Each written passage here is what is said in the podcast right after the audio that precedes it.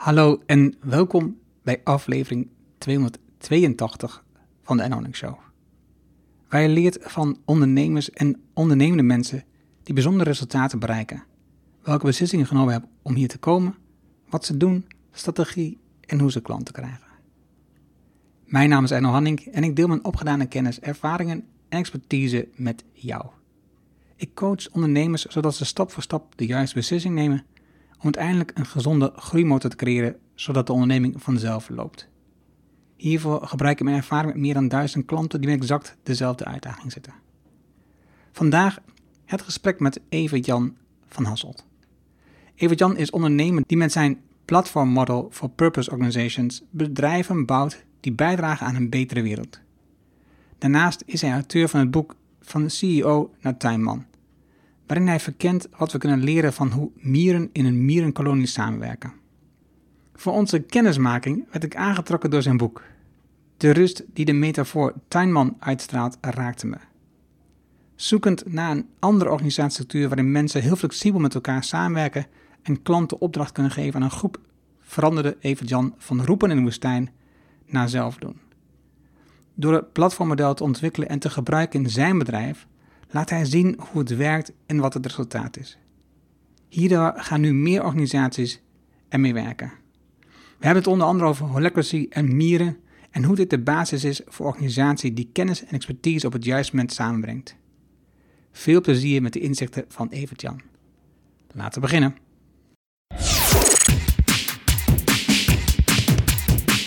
Welkom in de Erno Hamming Show. De podcast waarin je leert over de beslissingen om te groeien als ondernemer met je bedrijf. Luister naar de persoonlijke verhalen van succesvolle ondernemers en ondernemende mensen. Dan nu jouw business coach Erno Hamming. Ik zit in gesprek nu met Evert-Jan van Hasselt. En hij viel mij op, uh, mede door zijn boek, wat in zijn profiel op LinkedIn duidelijk naar voren kwam, um, van CEO naar tuinman. Die, die titel die sprak me zo aan, Evert-Jan, dat ik dacht, ik wil met jou praten over wat betekent dit, hoe gaat het? En, en toen ontdekte ik nog veel meer van je over hoe je organisatiestructuur op dit moment in elkaar zit. Dus daar gaan we wat mij betreft zeker over hebben. Welkom, Evert-Jan. Leuk dat te zijn. Ja. En um, je hebt in ieder geval uh, iets heel anders. Nou, is, is dat zo? Nee, dat is niet. Je zit nog steeds in de ICT, denk ik dan met mezelf. Want jij bent, je bent ooit gestart met de studie informatica bij de Twente Universiteit. Ja, dat klopt. Universiteit Twente. En uh, dat, is, dat is in mijn geboorteregio. Ik kom uit Haaksbergen, dus uh, ah, ja. ik ben naar de hogeschool Enschede gegaan. Dus het is allemaal in de buurt waar ik, waar ik leef, geleefd heb. Dat is zo grappig. Waarom koos jij voor informatica na uh, het lyceum? Uh, eigenlijk was het een, een, een, uh, een hele makkelijke keuze. In de zin dat binnen onze familie was het gebruikelijk dat je ging studeren. het was eigenlijk not dan dat ik dat niet ging doen. Mijn brein kon het aan, dus dan moest je dat doen. En ik had eerlijk gezegd het idee dat die informatica een studie was waar ik relatief zonder al te veel kleerscheuren doorheen zou rollen. Uh, dat is uiteindelijk de motivatie uh, geweest. Het was ook een beetje, computers waren mijn hobby. Ik heb een tijd lang gedacht, ik ga dat juist niet studeren. Omdat ik dan mijn hobby kwijtraak. Maar uiteindelijk had ik zoiets van, ja, weet je, dat andere, dat is zo gedoe, laat ik dit maar gewoon doen. Ik moet zeggen dat ik dus eigenlijk een soort dezelfde redenatie had. Mm -hmm. uh, met programmeren.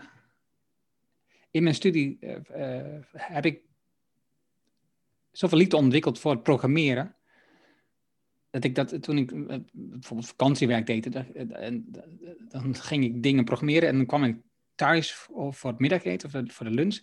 En dan um, ging ik nog snel weer wat in elkaar zetten en dan nog weer dat dit ging renderen. En als ik terugkwam was hij klaar, dan kon ik dat nu weer testen en dan werkte het weer niet, dan moest ik weer programmeren.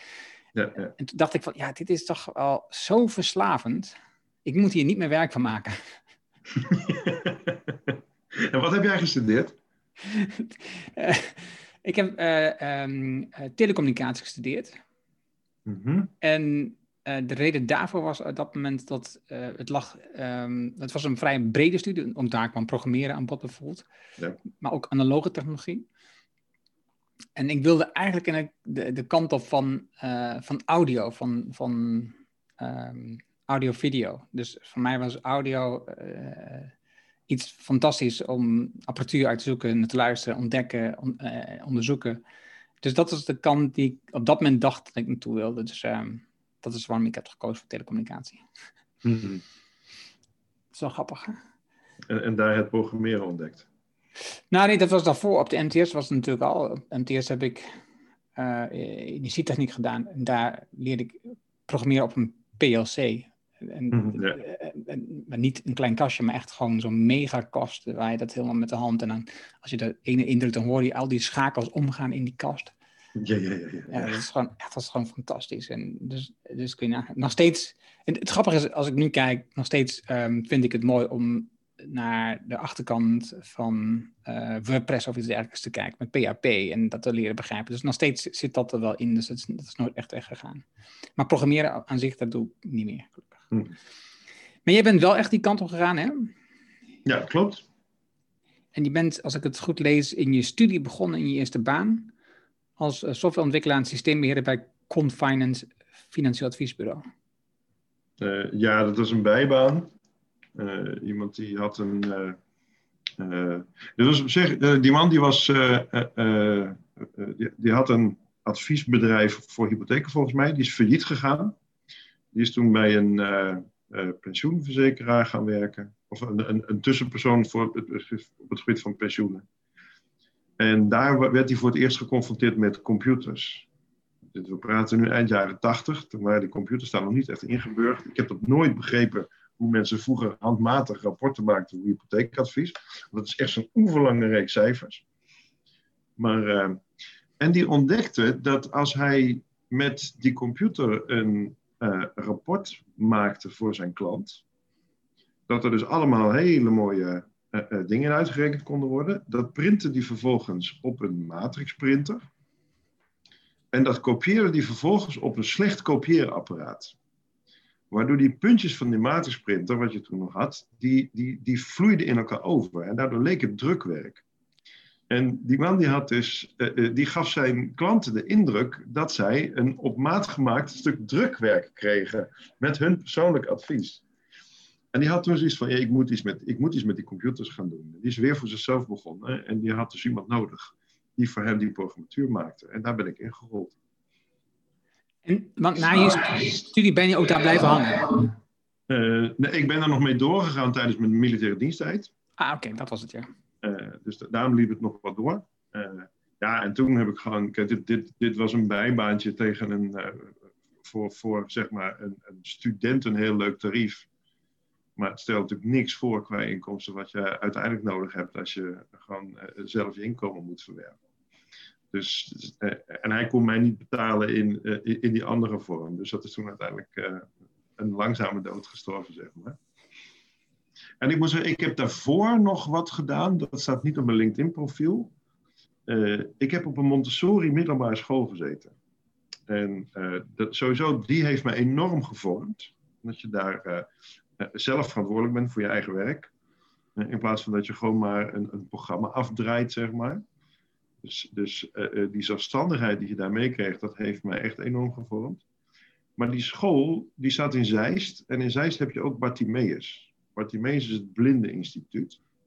En kinderen die op het blindeninstituut zitten, volgens mij nog steeds, die kunnen daar opleiding tot en met MAVO volgen. En uh, als ze verder wilden met hun opleiding, dan moesten ze dus naar een reguliere school. En bij ons had je HAVO en VWO. En ons schoolsysteem maakte het relatief makkelijk om die blinden daarin op te nemen. Dus wij hadden altijd een aantal blinden bij ons op school lopen. Um, het probleem wat die blinden hadden, dat was als zij uh, uh, uh, iets van een proefwerk maakten, dan typten ze dat in in een braille typemachine. Daar kon de docent kon dat niet lezen, dus dat werd opgestuurd naar een vertaalinstituut. En dat kwam drie weken later pas terug. Dus na drie weken kon die leerkracht, die kon pas dat proefwerk nakijken. En toen heb ik samen met een vriend, ik was net van die school af, hij zat nog op die school, hebben wij een systeem gemaakt dat je koppelde aan een braille typemachine en die dat direct omzette naar voor een docent leesbare tekst. Dat zie ik eigenlijk als mijn eerste werk, zeg maar. En dat systeem zijn daadwerkelijk eindexamens nog meegedaan in die beginperiode. Dus. Uh, Grappig dat het niet eerder ontwikkeld is, zoiets dergelijks dan. Dat, je, dat, dat mensen dat, dat, dat, dat dit belangrijk is voor mensen om zich op die manier te ontwikkelen, dat dat, dat, dat noodzakelijk is. Ja. Ja, eerlijk gezegd, bij mij heeft, ik, ik vind die techniek leuk, ik vind die computers vind ik leuk. Maar om die dingen te laten werken voor mensen, dat is hetgene wat mij altijd het meest heeft aangesproken. Ja, snap ik. Als je nu terugkijkt naar uh, wat je nu doet Mhm. en uh, deze eerste twee dingen die je hebt gedaan, wat is het wat je uit deze twee dingen hebt geleerd wat je eigenlijk vandaag nog steeds gebruikt? Mm. Ik ben natuurlijk in de loop van de jaren in allerlei verschillende dingen die ik heb gedaan, ben ik gevormd. En ik heb het gevoel dat ik op dit moment meer gevormd ben door de dingen die daarna zijn gekomen dan deze twee dingen. Uh, wat ik al zei, die school heeft mij enorm gevormd. En uh, ik heb wel een stukje ja, ondernemerschap, een ondernemende houding, moet je denk ik zeggen, uh, hiervan overgehouden. Is ook weer niet helemaal het juiste, want die had ik al wel, maar die zijn hierdoor ook wel weer versterkt. Ik ben altijd wel bezig geweest met dingen gaan doen, dingen in gang zetten, hoewel ik me nooit echt als een ondernemer heb gezien. Ik heb al gezegd, ik ben, niet onder, ik ben geen ondernemer, ik ben ondernemend. Nog steeds? Uh, ik denk, de laatste paar jaar begin ik het gevoel te krijgen dat ik wel echt een ondernemer aan het worden ben. Wat, wat maakt dat, dat verschil? Uh,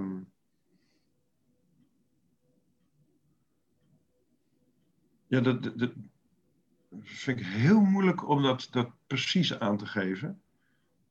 Het heeft iets te maken met het feit dat ik. Uh, ja, ik, ik was geen bedrijven aan het bouwen. Ik was geen ja, noem het autonome systemen aan het bouwen in de vorm van een bedrijf.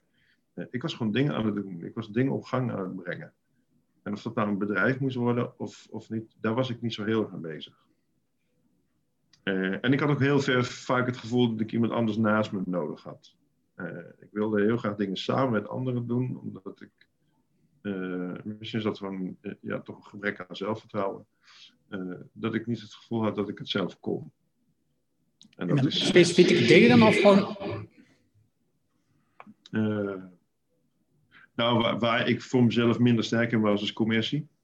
Dus daar had ik sowieso wel iemand naast mij nodig. Uh, mijn laatste rol in een loondienstbetrekking, dat was bidmanager. Dus verantwoordelijk voor offerte-trajecten. Daar zat ik wel heel dicht tegen commercie aan. Maar ik was nooit de verkoper. Dus het verkopen, dat liet ik altijd aan anderen over. En ik was de perfecte tweede man in dat proces. Die dus zo'n verkoper vleugels kon geven. Maar zelf verkopen, dat kon ik niet. Het is definitie dan van verkoop. Want wat, maakt dan het verschil wat je nu doet om je dienst aan de man te brengen met hoe jij een verkoper ziet dan? Mm. voor mij is een verkoper heel gestructureerd bezig met een uh, proces om uiteindelijk een klant zover te krijgen dat hij een handtekening zet of ja zegt tegen een deal. En daar ben ik nooit mee bezig geweest en ben ik niet mee bezig. En dat zit ook niet in mijn systeem. Ik ben veel te veel afgeleid door, door dingen. Uh, ik vergelijk dat wel eens met uh, mijn oom mijn oom die, uh, heeft op een gegeven moment, na een hele carrière in de werktuigbouwkunde, een jachthaven op Canada, Canada gekocht, op Vancouver Island. En daar kwamen allemaal mensen die hun boot daar hadden. En die hadden maar één ding, dat ging om zalmvissen. Iedereen was daar gefocust op zalmvissen. En op een gegeven moment toen heeft hij besloten om huurbootjes erbij te nemen, zodat mensen die geen boot hadden, toch ook zalm konden gaan vissen. En dan legde hij uit, als die mensen kwamen, die hadden van hun leven nog nooit gevist. Die gaf hij dus uh, uh, dan uh, hengels en alles mee. En dan legde hij uit hoe dat moest. En die lui kwamen echt terug met loeiers van zalmen. Terwijl de grootste zalm die mijn oom ooit uit het water getrokken heeft, is echt een priegelding geweest. dus die man die kon als de beste aan anderen uitleggen hoe ze zalm moesten vissen, maar zelf kon hij het niet. En dat kwam omdat die, als die eenmaal het water op ging om zelf zalm te vissen, dan raakte die om de havenklap afgeleid uh, door andere dingen. Je had daar bijvoorbeeld in dat gebied heel veel orka's. En uh, die vissers, die echte vissers daar, die hadden een bloedhekel aan die beesten, want die joegen hun vis weg. Van mijn oom vond het geweldig om dan naar die orka's te gaan kijken. Ja, dan ga je dus minder goed vissen. en zo is dat met mij en verkopen ook. Dat, dat, uh, uh, ik ben bezig met dingen bouwen, dingen, dingen op gang te brengen. En het verkopen, het iets aan de man brengen, ja, dat is dan een stukje daarvan. Maar ik raak heel gauw, snel, gauw weer, weer afgeleid in dat, dat proces. Is dat ook de reden dat je nu um, vier bedrijven hebt? Mede-eigenaar bent? Nee, nee. Um, en uh, om precies te zijn, ik heb één eigen bedrijf, dat is Business 21. En vanuit Business 21 zet ik andere bedrijven op volgens een nieuw model. Wat ik, daar komen vast nog over te spreken, wat ik een platform model voor uh, purpose organizations noem. En dus vanuit Business 21 heb ik nu drie bedrijven opgezet. De reden dat ik dat doe is dat ik, in de kern ben ik een wereldverbeteraar. Ik wil de wereld verbeteren. Ik heb een visie over hoe de wereld anders kan, wat uiteindelijk beter is, fijner is, plezieriger is voor mensen. En ik wil bouwen aan die wereld. En in mijn uppie kan ik maar een heel klein dingetje doen. Maar op het moment dat ik heel veel mensen in beweging kan krijgen om daar mee te gaan doen, dan kan ik heel veel bereiken. En daar zet ik die bedrijven voor op. Om dus bewegingen op gang te brengen. Ieder bedrijf heeft zijn eigen domein. Om daar beweging op gang te brengen. Om massief impact te maken. Schets dan eens jouw visie hoe die wereld eruit ziet als die beter is? Um, op hoofdlijnen komt het er, uh, op, op neer dat we los moeten raken van de systemen die we nu hebben. We hebben alles dicht gereguleerd in starre systemen. En uh, dat heeft een hele tijd heel goed gefunctioneerd, maar dat gaat al steeds meer in de weg zitten. En daar moeten we uit loskomen. En daar heb je van alles bij nodig. Uh, een van de dingen die je daarbij nodig hebt, dat is een nieuw soort informatietechnologie waarmee het mogelijk wordt om wendbare IT-oplossingen te maken. Want die nieuwe wereld bestaat uit veel meer organische samenwerkingen. Dat verandert continu. En als IT dat moet ondersteunen, dan moet die IT dus mee kunnen bewegen. Nou, traditionele IT, als die één ding niet kan, is dat meebewegen. Dus een van mijn bedrijven houdt zich bezig met het ontwikkelen van wendbare IT. Uh, een ander ding, dat is dat we zijn zo gewend om binnen de contouren van een organisatie uh, te werken, binnen uh, strakke functieprofielen, organisatiehierarchieën. En wat enorm helpt om dat te doorbreken, is om co-creatie op gang te brengen tussen mensen en bij voorkeur over organisatiegrenzen heen.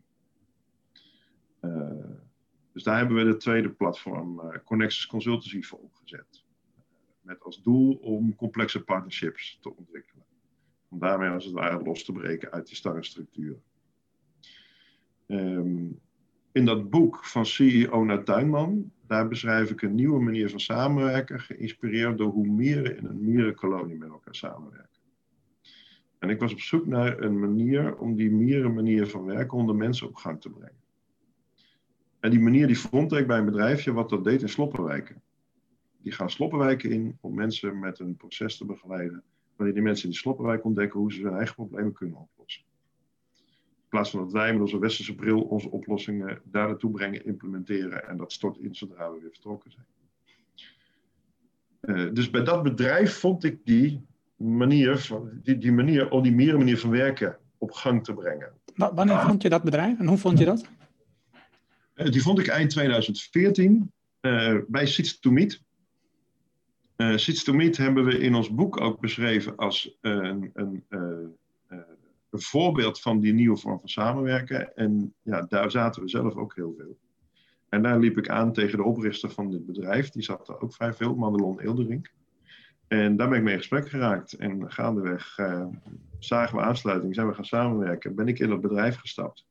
Om dat bedrijf zich in Nederland te laten ontwikkelen. Je had het net over systemen. Dat, we, dat, we, dat we veel in systemen vastzitten. Ja. en je noemt net de, de organisatiestructuur als een voorbeeld. Uh, wat, zijn, wat zijn nog meer systemen die ons in de weg zitten? Mm, ik geef zelf heel vaak twee voorbeelden. Wat heel, uh, in mijn ogen heel mooi laat zien hoe, we, ja, je zou kunnen zeggen hoe we afgedwaald zijn. Ik ben in 2001 bij, heb ik gesolliciteerd bij een IT-bedrijf. Toen zat ik nog vol in de IT. En uh, ik wilde daar graag werken. Zo'n innovatief bedrijf leek me heel erg leuk. Alleen toen kreeg ik een arbeidscontract volgeschoteld. Daar stond een clausule in tegen nevenarbeid. En die was zo geformuleerd dat als ik mijn broer zou helpen behangen, dan zou ik contractbeuk plegen. Dus ik heb aangegeven van, uh, ja, niet ondertekenen. En hun reactie was, nee, maar dat bedoelen we zo niet. Dat, ja, ja het stond er wel feit kwam erop neer, als ik die baan wilde, die wilde ik toch wel heel graag, dan moest ik dat ondertekenen. Dat is een vorm van hoe we dingen vastzetten. Uh, gelukkig heeft in die vijf jaar daarna mijn broer mij niet gevraagd om te helpen behangen. En uh, na vijf jaar ben ik daar weggegaan en toen ben ik bij een, bedrijf terechtgekomen. Uh, dat was het bedrijf waar ik bidmanager werd, dus verantwoordelijk voor offerte-trajecten. Uh, Society, een van de grote IT-dienstverleners, dus het bedrijf van Capgemini. En uh, daar hadden, we, hadden ze gelukkig niet zo'n clausule in dat contract staan. Dus dat contract kon ik probleemloos ondertekenen. Um, en wij hadden toen iets van 25 bitmanagers, denk ik, rondlopen in dat bedrijf. Daar was ik er dus één van. En, en die waren dus allemaal bezig met offerte-trajecten. En na een paar, paar jaar stond ik bekend als zo'n beetje de beste bitmanager van het bedrijf. En waarom was ik de beste bidmanager van het bedrijf? Omdat ik me niet aan mijn functieomschrijving hield. In mijn functieomschrijving stond: ga op je krent zitten wachten tot er een verkoper bij je komt uh, met een vraag voor een project of een beheeropdracht en schrijf daar een offerte voor. Maar die verkopers die werden uh, gestuurd om, uh, op snelle omzet. Een snelle omzet, dat haalde je veel minder met dat soort projecten, die haalde je met detachering. Uh, dus er kwamen nauwelijks vragen. Dus ik kon zitten wachten wat ik wilde. En dan kwam er eens een klein projectje langs en dan maakte ik dan een offerte voor. Dus ik ben gaan kijken, hoe, wat zijn nou van de verkopers waar ik voor opgesteld sta, de high potentials? En die ben ik gaan coachen om op een meer strategisch niveau met hun klanten te gaan praten. En daardoor gingen zij de betere vragen ophalen. Waardoor ik betere offertes kon maken. En er dus uiteindelijk betere deals uitkwamen. En die verkopers, die zagen, dat, die, die voelden zich door mij geholpen. Ik werd hun sparringpartner in dat hele proces. En ze merkten dat zij succesvoller werden, omdat ik ze hielp. En daardoor ze graag met mij wilden werken. Nou, die wisselwerking, uh, dat, uh, uh, dat leverde uiteindelijk voor alle partijen resultaten op. En ik had toen gelukkig een manager die boeide het niet hoe die offertes er kwamen, als ze er maar kwamen.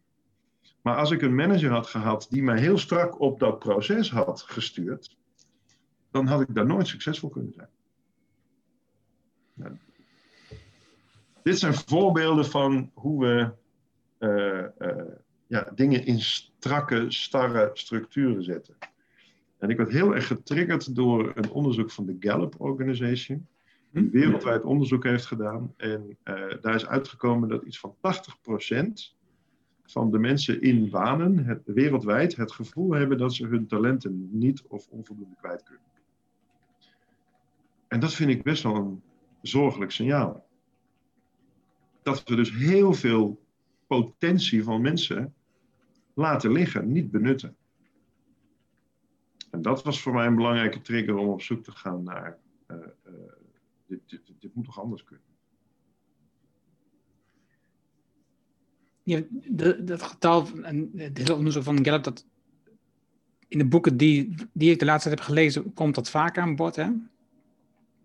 Het boek van Drive, bijvoorbeeld, van auteurnaam kwijt. In ieder geval, het boek Drive. Auteurnaam, dat zal ik laten even Ik heb de naam, de naam wel eens gehoord, ik ken het boek niet, maar... Ja, dat gaat dus over wat. Ik zal nu even zoeken, het is iets makkelijker. -hmm. Dat gaat over wat drijft ons als mens nu eenmaal. En um, ja, het is, het is niet zo ingewikkeld. Daniel Pink is het. Het is niet zo ingewikkeld. Als wij wat autonomie krijgen, uh, weten welke kant we op moeten, het vertrouwen krijgen, een veilige omgeving krijgen om te doen uh, wat ons, uh, de richting op te gaan die we in beeld hebben, dan loopt het grotendeels gewoon vanzelf. En dan hoef je helemaal niet zoveel te organiseren, niet, ook niet te veel te managen. En als je mensen de ruimte geeft om bijvoorbeeld zelf te bepalen met wie ze werken, wanneer ze werken, hoe ze, hoe ze werken, waar ze werken, dan werken mensen eigenlijk vanzelf met meer plezier aan die functieomschrijving die jij ook noemde als een halstarrig ding wat, uh, wat, uh, wat ervoor staat. En dat is het mooie ook aan de organisatievorm die bij bijvoorbeeld visie wordt gehanteerd, holacracy. Um, ja, daarin zie je dat, dat veel meer werken in zo'n netwerkomgeving die jij beschrijft, in cirkels.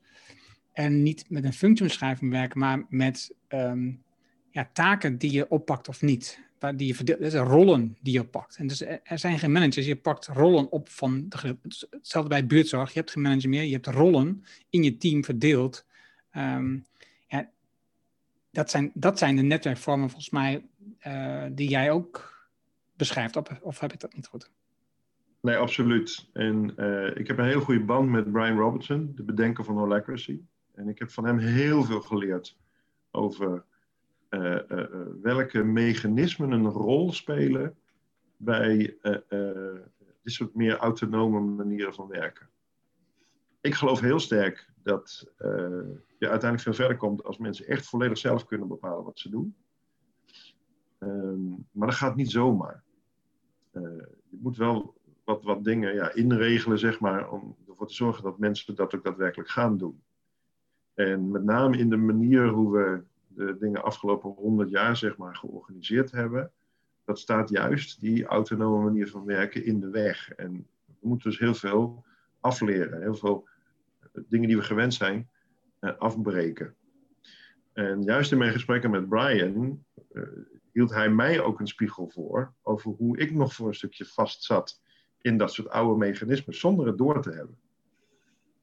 Dus uh, ik, ik gebruik Holacracy zelf niet uh, in detail. Uh, maar ik heb wel de training gevolgd. Dus ik weet behoorlijk wat van, uh, van, van Holacracy. Maar juist het hele denken achter Holacracy, daar heb ik onvoorstelbaar veel van geleerd. Ik heb het gesprek gehad met, met Jansen. Oh, dit is degene die met Brian heeft gesproken en het naar Nederland heeft gebracht. Um, mm-hmm. Dus ik zal ook die link in de show notes even meenemen als je kijkt naar, ik heb dat verhaal van dat boekje gelezen, boekje, het zeg ik niet goed, dat boek van jou gelezen um, over um, de, de, mieren, dus niet van Sigurd Tuinman, maar die andere. Uh, ja, Ecosystem for Business, dat was een soort vooruitgave. Juist, die bedoel ik, Ecosystem for Business. En daarin uh, beschrijf je uh, ook hoe dat werkt in zo'n mierenkolonie, wat ik niet precies wist, wel ongeveer, maar niet precies. En een van de dingen die me daarin opviel, was dat je het had over dat een. Of nee, dat, twee dingen viel me enorm op. De, um, de, de kolonie is begrensd tot ongeveer 10.000 mieren. En dan stopt die met groeien, eigenlijk, zo'n beetje. -hmm. um, en dat is denk ik een heel natuurlijk proces. Dat je een bepaald moment niet meer op dezelfde manier verder groeit, maar dat het afvlakt. En eh, als je kijkt naar het bedrijfsleven, als je kijkt naar het anglo-saxische model, dan is daar altijd de lijn naar boven. Dat mag mhm. nooit stoppen. Het moet altijd groeien. En dus als het, als het afvlakt, dan is het al een negatief signaal.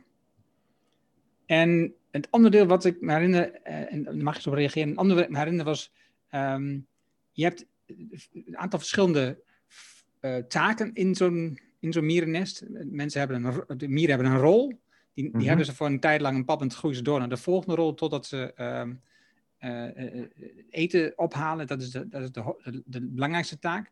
Dat is de opperrol, zeg maar. Ja. Het hoogst haalbare voor een mier. Precies. En, maar ongeveer de helft van de mieren in de kolonie, die doet niets. Die staan op stand-by, zeg maar. Ja, dat is overcapaciteit. En dat is ook iets wat we hebben uitgesleuteld uit het bedrijfsleven. En niet alleen, ook overheid en ziekenhuizen, want dat zien we nu, waar we nu last van hebben.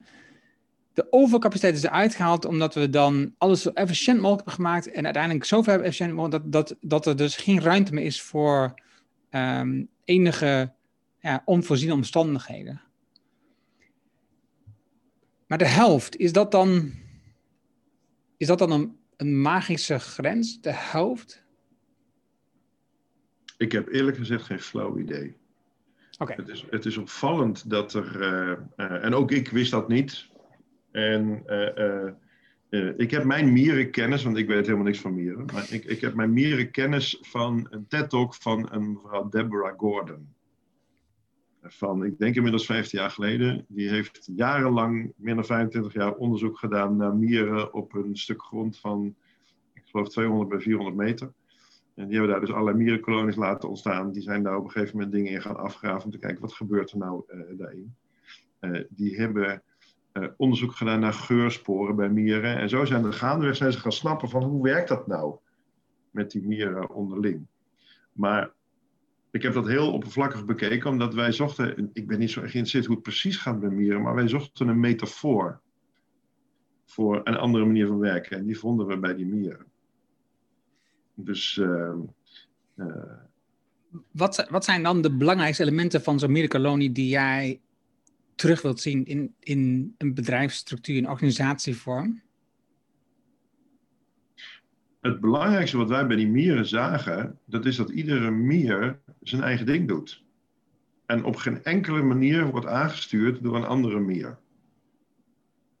Uh, we hadden het er net over, als mensen autonoom zijn, zelf bepalen wat ze doen, dan kunnen ze veel dichter bij hun uh, passie en talent komen. Nou, daar geloof ik heel erg bij. Dus bij mij ging het vooral daarom. En hoe kan het nou dat terwijl iedereen, of heel veel mensen vanuit het traditionele bedrijfsleven zeggen: het kan helemaal niet, mensen volledig hun eigen ding te laten doen. Hoe kan het dan dat het bij die mieren wel goed gaat? Want er is geen mier die een andere manier vertelt wat hij moet doen. Mieren die doen hun eigen ding, die zijn geprogrammeerd om hun eigen ding te doen. En die reageren op andere mieren die ze tegenkomen in dat proces. En op die manier ontstaat collectief gedrag. En dat collectieve gedrag blijkt heel erg krachtig te zijn. Dus dat was wat mij heel erg aansprak in die, aansprak in die mieren. En waardoor ik zoiets had van, ik wil, ik, ik wil daar meer over weten. Maar zonder, dat hoefden we ook niet per se in heel erg detail te weten. We wilden vooral weten, wat kunnen we nou als mensen leren daarvan? Hoe kunnen we als mensen op een andere manier werken? Wat, wat moet je doen in je bedrijf om dat collectieve gedrag voor elkaar te krijgen? Nou, daar komt die metafoor van die tuinman. En je hoort me nu alweer over een metafoor praten. Ik ben dol op metaforen, omdat die. Uh, uh, uh, als je op een andere manier dingen wil doen, dan moet je op een andere manier gaan denken. En op een andere manier denken is heel erg lastig, omdat je heel snel vastzit in wat je gewend bent om te denken. En metaforen helpen om mensen uit een bepaalde denklijn te trekken en anders naar dingen te kijken. En in dit geval is dat de metafoor van de tuinman. De tuinman die geeft zijn planten geen opdrachten. De planten luisteren echt niet. Die tuinman die creëert optimale omstandigheden waarin die planten uiteindelijk die tuin maken zoals die tuinman hem ongeveer in zijn hoofd heeft. Dus die tuinman die bepaalt wel welke plant zet ik waar neer, maar vervolgens laat hij die planten zelf het werk doen. En die probeert omstandigheden te creëren waarin iedere plant optimaal floreert. En die weten ook dat je bepaalde planten wel bij elkaar en andere planten juist niet bij elkaar moet zetten, omdat die een verkeerde invloed op elkaar hebben. En die metafoor voor leiderschap, die metafoor voor uh, uh, het omgaan met mensen in een organisatie, heb je nodig om dat autonome werken mogelijk te maken en te stimuleren. Dus je bent als leider dan nog wel degelijk bezig om een soort van richting te geven. Uh, je bent op een bepaalde manier nog wel bepalend, maar veel meer via de mensen waarmee je werkt, dan dat je die mensen laat werken op een bepaalde manier. En tuinman snoeit ook af en toe. Ja. Hoe zie je dat dan in je bedrijf? Uh, het, het, kan zijn dat je op een gegeven moment moet ingrijpen. Als je ziet dat bepaalde dingen in een organisatie, in dus zo'n nieuw soort organisatie, niet goed gaan. Uh, als mensen de tent uitvechten, ja, dan, dan, moet je daar wat mee. Uh, dan moet je wellicht mensen uit elkaar halen, moet je misschien toch mensen eruit halen. Maar je hele focus is erop gericht om die groep mensen in jouw organisatie, om die uh, ja, optimaal op hun manier met elkaar te laten samenwerken. En je bent continu bezig om te kijken wat voor kleine interventies kan ik loslaten op dat, ja, ik noem het dan een ecosysteem. Wat voor inter kleine interventies kan ik loslaten op dat ecosysteem om dat ecosysteem uh, nog optimaler te maken, nog beter te laten functioneren. Dingen die niet goed gaan, om die door het ecosysteem zelf te laten oplossen. Jij hebt dan um, drie bedrijven die onder jouw paraplu vallen. Webit 21, Connexus Consultancy en Seven Senses. Mm -hmm. Werken die dan ook onderling samen? Maken die voor elkaar ook dingen? Uh, een enkel keertje een beetje, maar in principe zijn ze volstrekt autonoom. En zitten ze echt op andere domeinen. Um, en ook binnen zo'n organisatie kunnen weer allerlei mensen werkzaam zijn die helemaal niks met elkaar doen. Um, misschien goed om toch even op dat organisatiemodel in te gaan ja. uh, gebruiken. Ik, noem dat platformorganisaties. Um, waarbij bij platformen denken mensen meteen aan online. Een online omgeving. Uh, denk aan de Uber, denk aan de Airbnb's. Um, voor mij is een platform ja, dan kom ik weer met een metafoor. Ik gebruik heel vaak de metafoor van een plein. Je had vroeger in de Griekse oudheid de agora's. Daar kwamen mensen samen, ook volledig autonoom, op eigen initiatief. En die gingen daar handel drijven, die gingen daar recreëren. En dat liep allemaal door elkaar. En iedereen die kwam daar uit eigen beweging en ging verbindingen aan met andere mensen. En dat plein faciliteerde dat. Dat plein maakte dat mogelijk. Mensen wisten dat het plein er was. Die wisten dat ze daar bepaalde mensen konden ontmoeten. En gingen daar dus naartoe om dat te doen. Nou, dat is waar een platform voor mij voor staat. En dat is in de eerste plaats offline. En het mooie van de informatietechnologie van vandaag de dag is dat je aan die offline plek waar je samen kunt komen, online componenten kunt toevoegen. Om mensen ook meer op afstand en uh, ook deels tijd onafhankelijk met elkaar te laten interacteren.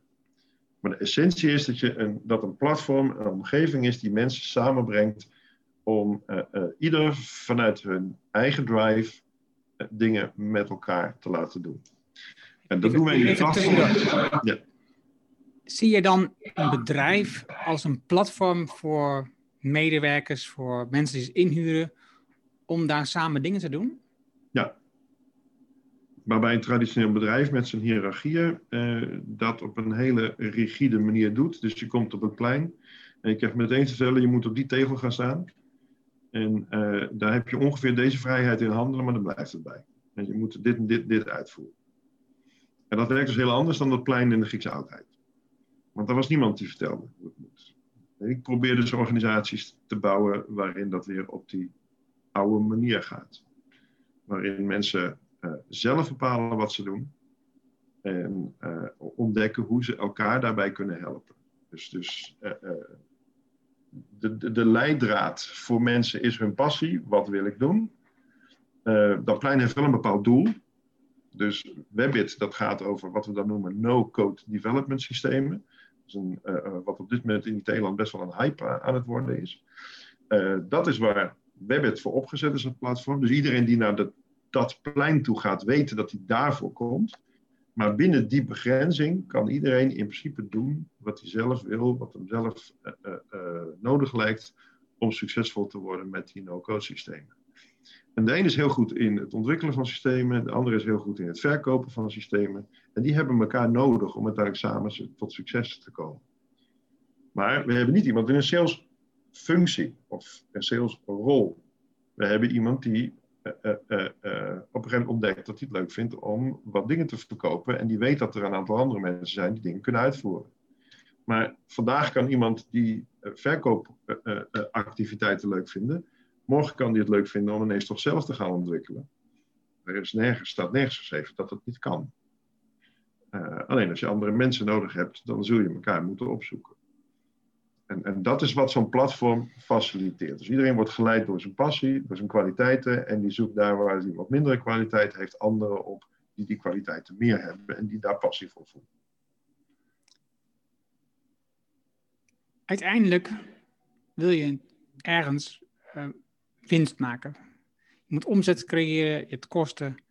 Um, ik wil niet zeggen dat de winst zo groot moet zijn, maar je, wilt winst maken, anders kan het bedrijf niet voortbestaan. Hoe zorg je er dan voor dat je genoeg verkoopt in zo'n organisatie, dat je daar een soort gevoel bij krijgt dat dat, dat gaat lukken, dat je winst gaat maken? Um, een, een, heel belangrijk element daarin is, dat is wat uh, uh, Laloux, die heeft dat boek Reinventing Organizations geschreven, waar hij onder andere ook naar holacracy kijkt. Uh, die introduceert daar het begrip heelheid. En heelheid gaat erover dat alles op een optimale manier samenhangt met elkaar. Dat iets op, op, optimaal als een soort van geoliede machine functioneert.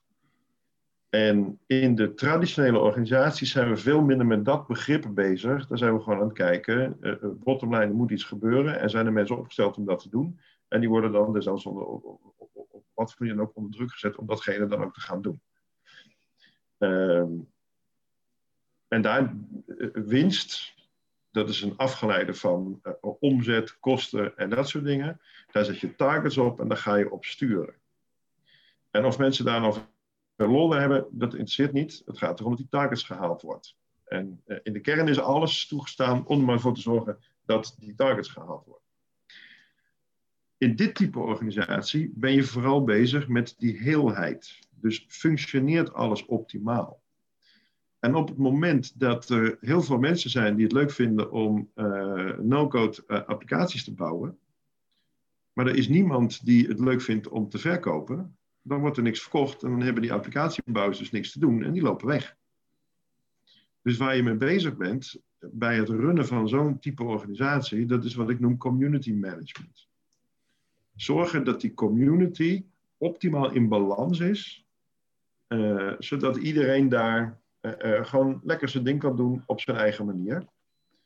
En omdat je niet weet wat ieder individu doet, want één, dat kun je niet volledig doorgronden. En twee, dat kan vandaag anders zijn dan morgen. Uh, heeft het helemaal geen zin om met ieder afzonderlijk individu bezig te zijn. Dan moet je kijken naar dat geheel. En als je het gevoel hebt dat dat geheel niet meer lekker loopt, dan ga je kijken van waar ligt dat dan aan? En wat kunnen we dan aan die community doen om ervoor te zorgen dat het wel weer goed gaat functioneren? En merk op dat we hier niet bezig zijn met winstmaximalisatie dat we hier niet bezig zijn met het, het, het, groeien. Ik had er niet zo tegen aangekeken, maar die, die, die soort van natuurlijke grens van 10.000 mieren. Uh, ja, misschien heeft zo'n community ook wel een soort van uh, grens waarin het nog optimaal gaat. En wat van belang is, is dat je een gezonde organisatie hebt. Dat die morgen ook nog kan bestaan. Daarvoor heb je geen winstmaximalisatie nodig. Daarvoor heb je wel een, uh, uh, een goedlopende financieel geheel nodig. Maar op het moment dat die community in balans is, uh, dan weet dat zijn weg wel te vinden. En dan heb je die groei dus ook niet nodig. Hoe is het eigenaarschap georganiseerd in, in jouw bedrijven dan? De, je hebt eigenaren van het platform. Laten we het IT-bedrijf maar even als voorbeeld nemen. Webbit, Webbit21, die heeft nu vier eigenaren. Daar ben ik er één van. Um, en wij bepalen dus in principe hoe dat platform gerund wordt. En dat betekent dat wij verantwoordelijk zijn voor één, community management. Twee, we zijn verantwoordelijk voor marketing. Omdat daarmee die community geholpen wordt om succesvoller te zijn. Als de naam Web21 een goede naam heeft bij potentiële klanten, wordt het voor die community makkelijker om opdrachten te vinden en uit te voeren. En het derde is, we zijn een stuk verantwoordelijk voor wat ik noem contractbeheer en administratie. Alles wat wij als eigenaar van het platform doen, dat is kijken wat die community nodig heeft om optimaal te functioneren. Wij houden ons niet bezig met wat je zou kunnen noemen de eindklanten. De klanten waar IT-systemen voor ontwikkeld worden. Uh, wij zijn alleen maar bezig met wat heeft die community nodig om optimaal te functioneren. Binnen die community, daar zijn verschillende, wat we dan noemen, engagements. Dat zijn, je zou het gelegenheidsformaties van mensen kunnen noemen, die met elkaar een traject oppakken en gaan uitvoeren. En dat kan heel simpel zijn. Iemand die verkoopt wat en iemand anders die kan het uitvoeren en samen zijn ze een engagement. Maar dat kan zelfs zover gaan dat een aantal mensen besluiten om op dat platform een, een eigen nieuw bedrijf te ontwikkelen. En dat zou zelfs een heel traditioneel bedrijf kunnen zijn. Uh, dat maakt, in de kern maakt het niet uit wat zij daar doen. En die mensen die in zo'n engagement zitten, die zijn eigenaar van wat daar ontstaat. Dat hebben zij gemaakt, zij zijn daar eigenaar van. Dus dat even ten aanzien van dat eigenaarschap. Wat lastig is, dat is dat ons huidige juridisch stelsel wat we hebben, de verzameling van wetten en dergelijke, uh, die maakt deze manier van werken, op zijn zachtst gezegd, niet makkelijk. Want die wetten die zijn gebaseerd op de oude manier van organiseren, de oude manier van hoe we bedrijven opzetten. Uh, uh, wetgeving loopt altijd achter de realiteit aan. En nu we met dit soort transformaties te maken hebben, het is mijn stellige overtuiging dat er nu meer verandert dan pakken met 50 jaar geleden. Uh, op het moment dat er zo'n versnelling van verandering is, dan, dan gaat wetgeving gaat knellen. Nou, daarvoor hebben we dat platformconcept onder andere ook opgezet. Die mensen in zo'n engagement, dat is in feite zijn dat zwermen. Dus zwerm organiseren. Mm -hmm. Een zwerm heeft geen, dat bestaat niet in ons uh, huidig juridisch systeem. Dus wat wij met het platform onder andere doen, is een soort uh, koppeling maken tussen die zwermwereld en de traditionele wereld van contracten en dergelijke. Dus formeel ligt het eigenaarschap van heel veel dingen niet bij die zwermen, want die kunnen geen eigenaarschap hebben, juridisch gezien. Formeel ligt het eigenaarschap bij het platform. Het platform wordt eigenaar van alles wat op het platform wordt geregeld. Maar in het platform is vastgelegd dat degenen die gaan over wat er met dat eigendom gebeurt, dat zijn degenen in die zwerm. De mensen in die zwerm die ervoor gezorgd hebben dat het eigendom überhaupt heeft kunnen ontstaan. En op die manier maken we dus een vertaalslag tussen wat je eigenlijk in die zwermen zou willen hebben, uh, naar hoe dat dan vervolgens een, een, een, ja, basis krijgt in de reële economie, in, in de, de, de, het juridisch stelsel wat we nu hebben. Want wat heb je dan van juridische vorm gekozen nu? Dat maakt niet uit. Dat is niet relevant.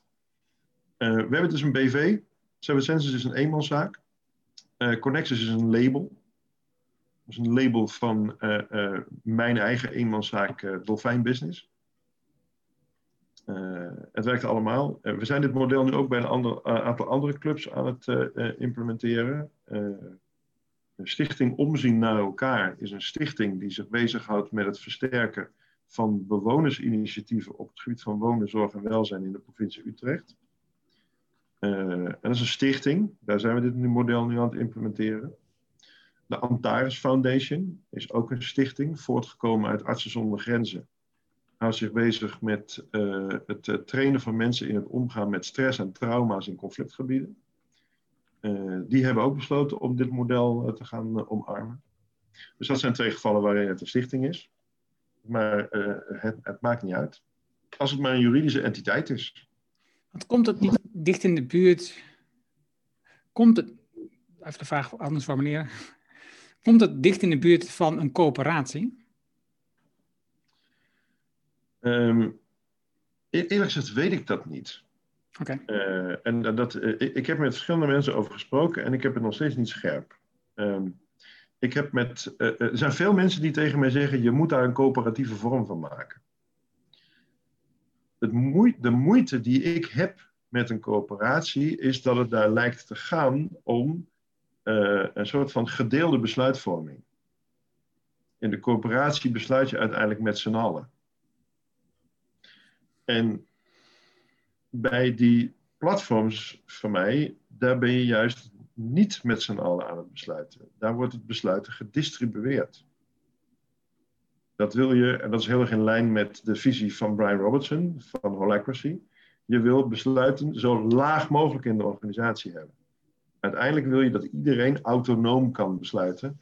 En dat alleen die mensen die daar iets van kunnen zeggen, iets over zouden moeten zeggen, iets, iets over te zeggen hebben. En de coöperatie lijkt een antwoord op uh, uh, het probleem van de traditionele organisatie met een hiërarchie, waarin je uiteindelijk bovenaan de ultieme besluitvorming hebt. En die kan dat wel delegeren, maar delegeren is iets anders dan distribueren. Ultiem is degene bovenaan de hiërarchie, is degene die besluit.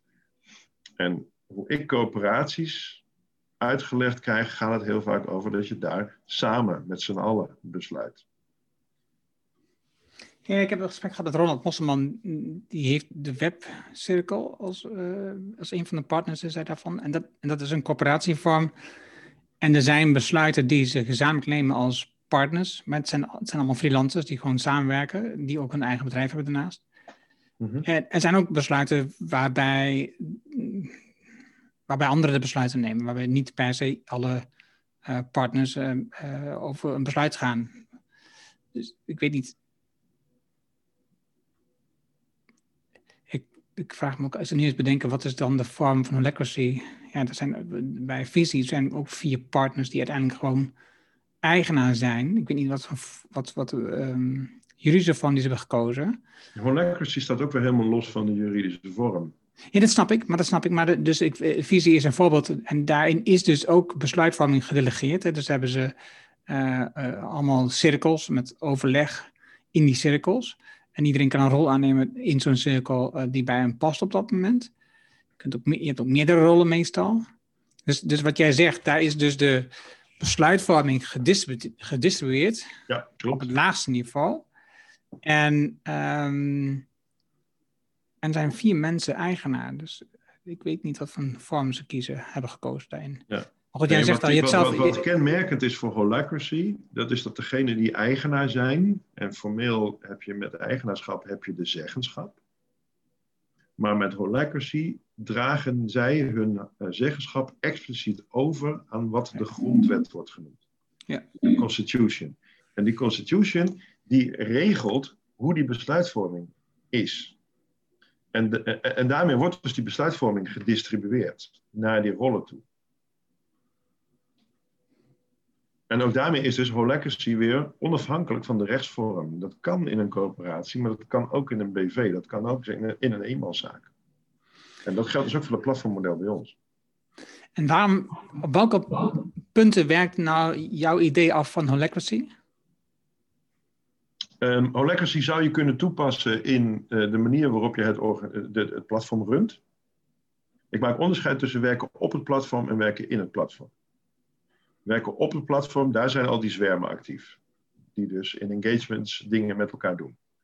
Werken in het platform, dat zijn de mensen die de omgeving creëren, die het plein schoonhouden, zeg maar, goed laten functioneren, uh, uh, zodat die engagements optimaal kunnen functioneren. Holacracy kun je toepassen, maar hoeft niet uh, in het platform. Om dus, zeg maar, op een holacracy manier dat plein schoon te houden. Uh, maar holacracy kun je ook toepassen in een engagement. Dus mensen die in een zwerm opereren, kunnen besluiten om via holacracy te gaan werken. Uh, ik heb goede contacten met Margreet van der Pijl. Zij heeft B Collective opgezet. En uh, B Collective is een, ja, een organisatie die probeert om wat zij noemt pop-up companies op te zetten. Dat zijn bedrijven die een tijdje bestaan en uh, zich dan op een gegeven moment ook weer opheffen. En zij heeft ervoor gekozen om holacracy uh, echt een soort van als standaard te gebruiken binnen de manier waarop die pop-up companies werken. En ik ben nu met Margreet aan het kijken in hoeverre we dat platformmodel en die pop-up companies naar elkaar toe kunnen laten groeien.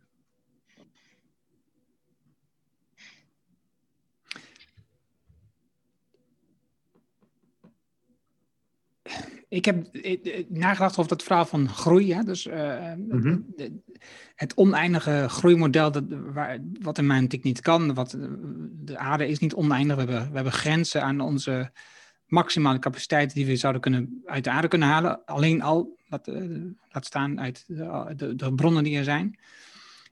Uh, ken jij... Oh ja, wat, dan heb je dus de groei zeg maar in in de hoogte. Als je naar de natuur kijkt, een boom groeit in de hoogte. Op een bepaald moment gaat dat groeien in de hoogte niet zo hard meer. Dan wordt hij steeds breder. En dan laat hij meer vruchten vallen en dan staan nieuwe bomen. Dus dan verplaatst het groeiproces zich eigenlijk naar nieuwe vormen. Ja. Zie, zie jij dat ook eigenlijk bij jouw bedrijf? Dat, er, dat bij deze bedrijf dat er een vorm is, dat daar een grens aan is, net als bij die mierenkolonie, aan de maximale groei in de hoogte en uiteindelijk meer in de breedte gaat groeien, omdat die bedrijven steeds meer uh, samenwerkingen teweeg brengt. Mm ja, als, het, als het om groei gaat. Kijk, een van de redenen waarom ik voor de platformconstruct heb gekozen, dat is dat de platform in uh, uh, theorie in ieder geval exponentiële, exponentiële groei mogelijk maakt. Uh, hiërarchie zit exponentiële groei in de weg. Op het moment dat je een platform gebruikt, dan kun je exponentieel groeien. en dan even, als mensen me dit horen zeggen, dan denken ze misschien van, nou, daar heb je iemand die wil eh, eh, eh, het, het, uitputten van de, van de aarde nog sterker maken. dat is niet mijn intentie. Mijn intentie is groei in menselijke activiteit. Dat mensen ja, op een exponentiële manier kunnen ontdekken hoe ze elkaar kunnen versterken. En daarmee dus meer kunnen bereiken. Ehm, ik had op een gegeven moment een discussie over wat, wat je veel ziet is dat purpose-organisaties, die worden op een gegeven moment opgezet met een bepaalde purpose. Uh, op het moment dat die willen groeien, dan hebben ze investeringen van buitenaf nodig. En wat je vaak ziet, dat is dat de eisen die die investeerders vervolgens stellen, uh, maakt dat zo'n purpose-organisatie veel minder aan zijn purpose kan doen of helemaal wegdrijft van zijn purpose. En dat heeft te maken met het feit dat het eigendom wat daar ontstaat, dat cumuleert. En dat eigendom blijft bij de investeerders of de oorspronkelijke eigenaars zitten. En dat groeit dan bij een platformorganisatie exponentieel, waardoor je een, een, een disbalans krijgt in wie het dan voor het zeggen heeft. Bij een purpose platform, zoals wij dat hanteren, daar uh, je moet onderscheid maken tussen financiële waarde en purposewaarde. Financiële waarde, dat kan maar op één plek landen. Dus dat kan maar eh, in de zak van één persoon terechtkomen. En je hebt dus een heleboel waarden en al die waarden, die wordt dan wel, financiële waarde wordt wel verdeeld over mensen. Maar ieder, iedere euro, zeg maar, kan maar in één zak van iemand terechtkomen. Purposewaarde, wat wil je bereiken, daar heeft iedereen voordeel van. Dat is waardevol voor iedereen. En wat je ziet bij de platformmechanismen wat wij hanteren, dat die uh, financiële waarde, die raakt gedistribueerd. Dus wij als eigenaren van het platform, wij beheren die waarde, maar omdat we dat eigenaarschap hebben doorgezet naar de mensen die het gecreëerd hebben, gaan zij uiteindelijk over die waarde. En onttrekken zij ook die waarde als zij daar behoefte aan hebben. Dus de financiële waarde is niet op één specifieke plek geconcentreerd.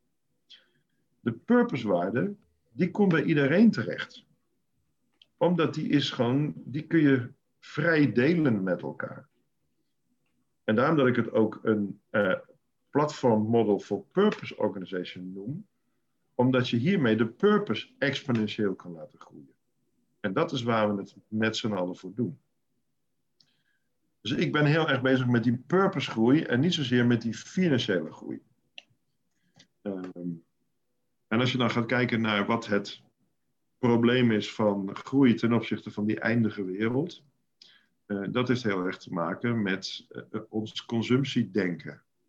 En het denken in materialisme, het, het materialistisch denken. Wij hebben steeds meer spullen nodig dat groeit exponentieel. En dat legt dus een exponentieel beslag op de aarde.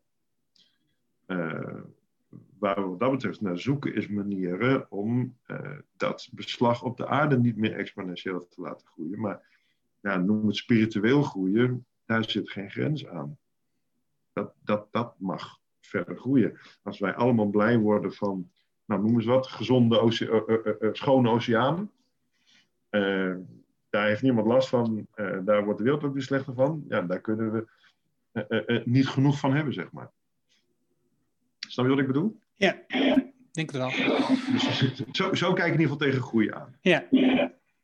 Dus, dus ik heb bewust gekozen voor uh, die platformorganisatie, omdat ik daar exponentiële groei mee kan krijgen. Maar het gaat mij niet om de financiële exponentiële groei. Het gaat me om de purpose exponentiële groei.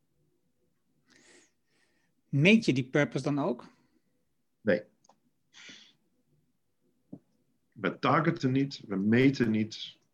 Wij, uh, uh, net zo goed als een tuinman niet meet hoeveel blaadjes die in zijn tuin heeft daar is hij helemaal niet mee bezig. Uh, uh, die tuinman die gaat het om dat die tuin de, de, de ideale sfeer uitademt. En dat die tuin goed in zijn vel zit, zodat hij het goed blijft doen. En dat is waar wij mee bezig zijn. Dus wij meten waar het goed gaat. Wij meten waar dingen niet lekker lopen. En vervolgens gaan we, als het niet lekker loopt, kijken waar we dat kunnen oplossen, waar we het kunnen verbeteren waar we terug kunnen naar die heelheid. En dat vergt dus hele andere ingrepen dan de ingrepen uh, uh, die binnen traditionele organisaties uh, plaatsvinden. In ons boek hebben we een heel mooi voorbeeld. het boek van CEO naar Tuinman. Dat is een voorbeeld uit de Performatory.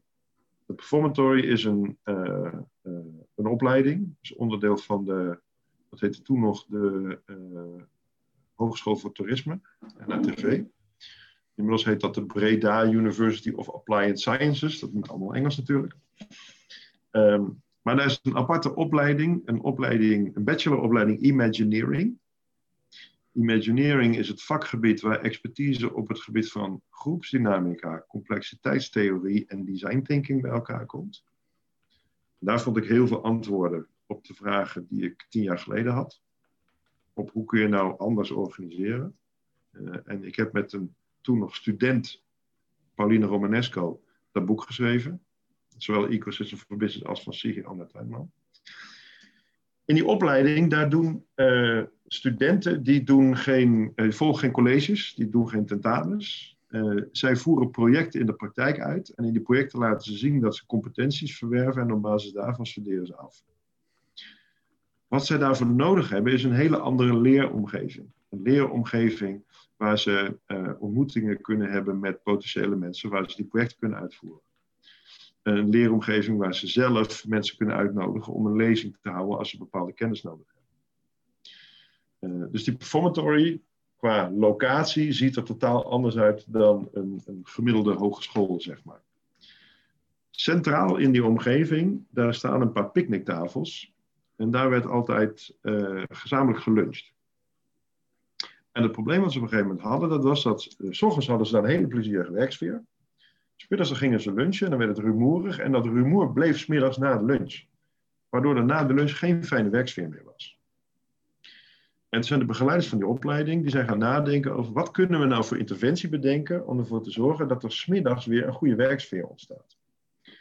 Nou, de traditionele manier zou zijn om overal bordjes op te hangen, na de lunch bek dicht houden, mensen een politieagent rondsturen die mensen aanspreekt als ze te veel herrie maken smiddags. Maar hier hebben ze een andere aanpak gekozen. Ze hadden op de achtergrond altijd al zachte muziek draaien. En wat ze gedaan hebben, dat is tijdens de lunch hebben ze die muziek harder gezet. En na de lunch hebben ze die muziek weer zachter gezet. En dat bleek de ingreep te zijn die, deze, die dit ecosysteem nodig had om zijn eigen weg weer te vinden. Want studenten die baalden er zelf ook van dat er smiddags geen fijne werksfeer was. Maar er was iets ingeslopen in de loop van de tijd, waardoor dat ja, zo liep. En die hadden dus even een, dat wordt ook wel nutje genoemd, die hadden even zo'n zo'n klein zetje nodig om hun eigen weg weer te vinden. Nou, dat soort, dat type interventies gebruiken dus ook in die platformorganisaties. Om uh, die mensen op dat platform hun eigen weg weer te laten vinden en optimaal te laten samenwerken. Mooi voorbeeld. Nu heb je iets bijzonders gekozen. Je kiest een vorm die nieuw is, anders is. En dat zie je in je strijd rondom de juridische structuur die je moet kiezen. Um, maar ook de voorbeeld die je geeft, heel veel metaforen. En, en je hebt iets gekozen, een, organisatievorm, een structuur, een netwerkomgeving, wat niet normaal is, wat, wat bijzonder is, wat anders is. Ja. En dus wat doe jij om mensen te laten zien dat dit, dat dit de nieuwe juiste werkwijze is? Ehm, de voorbeelden creëren.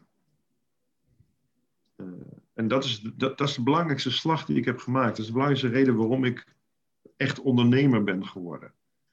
Uh, tien jaar geleden ben ik hiermee begonnen toen ik voor mezelf begon. En toen was mijn beeld, ik ga uh, lezingen geven, ik ga adviesklussen doen. En wat ik merkte was dat niemand erop zat te wachten. Omdat iedereen in die traditionele modellen denkt. En ja, dan komt hij verrassend aan met zijn wazige ideeën. dus de enige manier die ik nog kon zien om zeg maar die boodschap over te brengen, was om zelf de voorbeelden te creëren. Dus uh, uh, laat het gewoon zelf zien. En dat is vijf jaar geleden. En ook ik wist de vorm niet, hè? Dat, dat, dat platformconstruct is in de loop van de jaren ontstaan in mijn pogingen om voorbeelden te creëren. En ik heb dat het meest bewust geïntroduceerd binnen Webbit, Webbit21, het IT-bedrijf. Maar ik heb dat opgezet samen met Bertiel Schaart hele gave gast overigens, is oprichter van neemontslag.nl. Die roept mensen op om ontslag eh, te nemen en voor een passie te gaan. Ehm, maar Bertiel, die zat ook nog in het oude paradigma. Die was te veel aan het managen en te weinig aan het faciliteren. Dus die wilde die community managen en dat werkte niet. Daar hebben we best wel veel strubbelingen over gehad. En uiteindelijk hebben we ook besloten om de samenwerking te beëindigen. We kunnen nog steeds op persoonlijk vlak heel goed met elkaar vinden. Maar we kijken er te verschillend tegenaan. Um, en gaandeweg ontdekte ik dat we dat model wat ik bij Webbit op gang probeerde te brengen, al lang in de praktijk brachten bij Seven Senses. Zonder dat ik het zelf doorhad. Dus zo is ook in mijn hoofd langzaam dat model gegroeid. En daarom is het zo gaaf om dat bij verschillende platformen te doen. Omdat je op ieder platform heb je je eigen uitdagingen. En daar leer ik ook weer gigantisch veel van. En de lessen van het ene platform neem ik weer mee naar de lessen naar, naar de andere platforms. En zo groeit dat met elkaar. Um, ja, en uiteindelijk laat ik daarmee de voorbeelden zien. En nu komen er dus langzaam mensen naar me toe die zeggen van... hé, hey, dat ziet er gaaf uit, dat willen we ook. Kijk naar Stichting Omzien, kijk naar Antares. En verwacht je nu exponentiële groei op dat gebied? Uh, ja, op twee richtingen. Aan de ene kant exponentiële groei van de platform zelf. En daar moet ik heel eerlijk in zijn, die zijn nog niet heel erg groot. Uh, bij Webbit hebben we nu denk ik zo'n uh, zo'n acht mensen die daar echt nauw bij betrokken zijn. Is wel aan het groeien. Uh, Seven Senses zijn er een stuk of twintig. met nog een ring van iets van veertig mensen daaromheen. en ook daar zijn heel, heel veel mensen zijn niet voltijds of zelfs helemaal niet actief op het platform op dit moment, maar zijn er wel mee verbonden. Daar zie je weer die overcapaciteit. Mijn doel is uiteindelijk om ervoor te zorgen dat mensen ruwweg 60% van hun tijd daadwerkelijk actief zijn op het platform. Uh, omdat je daarmee overcapaciteit hebt. Aan de ene kant kunnen ze ook dingen ergens anders doen, wat ook weer toegevoegde waarde heeft voor wat ze bij ons doen. En aan de andere kant creëer je daar potentiële overcapaciteit mee. Dat als ineens enorme opportunities ontstaan, dan kun je meteen opschakelen. Uh, en op het moment uh, dat het wat minder wordt, dan kun je met elkaar ook afschakelen. Mm -hmm. Dus, uh, maar ze zijn nog relatief klein. maar daar verwacht ik exponentiële groei per platform. Maar daarnaast, als ik kijk welke interesse er nu in dit model begint te ontstaan, verwacht ik ook een exponentiële groei in de, ja, de, de vermeerdering van die platforms. Omdat andere mensen dat gaan doen. Precies, en dat betekent dus dat jij niet daar actief betrokken bent, maar puur de kennis die je hebt opgedaan deelt met die mensen. Ja, ja precies. En ik ben dus nu binnen Connexus, uh, ben ik uh, uh, dienstverlening aan het opbouwen om partijen te ondersteunen bij het uitrollen van het vormgeven van deze platforms. En daar laat ik me heel erg inspireren door de manier hoe Brian Robertson zijn uh, Holacracy dienstverlening heeft. Even Jan, ik vond het super leerzaam. Het was heel interessant om te leren van een organisatie, structuur, vorm die nog niet bekend is, die nog heel onbekend is, waar je aan de vooravond staat om dat uh, groots uh, uit, te, uit te dragen. En het interessante natuurlijk is dat je ervoor gekozen hebt om dat te doen in, met je eigen bedrijf, omdat ik, ik denk dat je gelijk hebt, dat dat, dat uiteindelijk anderen laat zien dat het functioneert. Dat is een beetje vergelijkbaar met wat we, het boek wat we hebben gelezen, Everybody Matters, um, van Barry het bedrijf Barry Wehmiller van, van Bob um, Chapman, de CEO ervan. Waarbij hij nu in zijn boek beschrijft wat hij al heeft gedaan in de, in de ontwikkeling van het bedrijf. Waardoor je ziet dat het kan. Het is, er is bewijslast nu. Je hebt, je hebt voorbeelden, je hebt situaties meegemaakt, hoe je hebt gehandeld op dat moment. En je hebt handvatten gecreëerd wat een bedrijf zou kunnen overnemen om het ook in, uh, te implementeren in hun bedrijf. En dat is in de theorie, als je daarmee gaat beginnen om dat als consultant uh, rond te bezuinen, hartstikke interessant. Het kan heel aantrekkelijk zijn. Maar tractie zal het nooit krijgen, denk ik. Um, totdat je zelf laat zien, dit is hoe het functioneert. Dit is, kijk, dit is hoe het bij mij werkt en dit functioneert nu. Dit zijn de resultaten die we uit. Dus dat vind ik heel erg mooi, Evert-Jan. Dank je wel daarvoor. Hoe kunnen mensen jou het beste bereiken? Uh, het beste is de manier uh, hoe jij het ook hebt gedaan via LinkedIn. Dat, uh, ik loop hopeloos achter met het bijhouden van mijn websites. Bij Webbit is dat inmiddels goed belegd bij een van de mensen die echt die marketing oppakt. Dus die website van Webbit gaat wel goed. Uh, Seven Senses geldt ook weer, maar dat zijn gewoon, gewoon niches, zeg maar. Connexus en Business N20, die website, daar moeten we echt wat aan doen. Dus uh, mensen die mij willen bereiken, kunnen dat het beste via LinkedIn doen. Even Jan van Halstot op LinkedIn. Mijn naam komt niet zoveel voor. Dus dat is goed. dat is altijd fijn. Ja, ja. Super, dankjewel Evert-Jan. En nou, wie weet, tot een volgende keer als het model nog verder ontwikkeld is. Ja, heel graag gedaan. Heel leuk om hier van, van gedachten te wisselen. En ook in zo'n gesprek als dit leer ik zelf ook weer. Dat, uh, dat leren, dat, dat houdt nooit op als je met dit soort vernieuwing uh, bezig bent. Eens. Dus, uh, en dan lijkt me absoluut leuk om elkaar over een tijd weer eens te spreken. Kijken waar we dan staan. Ja, dat was het mooie gesprek met Evert-Jan. Je vindt de namen en de links die we noemden in het artikel dat bij deze uitzending hoort. Ga daarvoor naar ernohanning.nl slash show 282. Wil je vanzelf de volgende aflevering op jouw telefoon? Dat kan eenvoudig. Zoek de Erno Hanning Show op jouw favoriete app. Bijvoorbeeld als je een iPhone hebt, dan zit daar de standaard Apple Podcast app op. Open die app, zoek de Erno Hanning Show op en klik op abonneer. Heb je een Android telefoon? Ook simpel. Installeer dan bijvoorbeeld de Player FM app. Open die app Zoek de Anonic Show op en klik op abonneer. Dankjewel alvast. Heb je vragen, opmerkingen, reacties over deze aflevering of over de podcast in het algemeen? Ik hoor super graag van jou. En ik lees iedere e-mail. Wil je leren hoe je meer uit teams haalt door meer aan ze over te laten? Wil je leren welke hardnekkige gewoontes je tegenhouden om te groeien? En wil je weten wat het juiste moment is voor een beslissing? Vraag dan het boek Betere Beslissingen voor een beter team aan op ernohanning.nl. Dit is mijn nieuwste boek en je downloadt het helemaal gratis. Je hebt zelfs geen e-mailadres nodig. Er is nu ook een Kindle en een EPUB versie. Wil je de papieren versie van het boek? Dat kan ook. Je betaalt dan alleen de verzendkosten. Mijn nieuwste boek is altijd gratis. Vraag het daarom nu aan. Vraag jouw boek aan op ernohanning.nl en je leest het in één avond tijd. Dankjewel voor het luisteren en graag tot de volgende.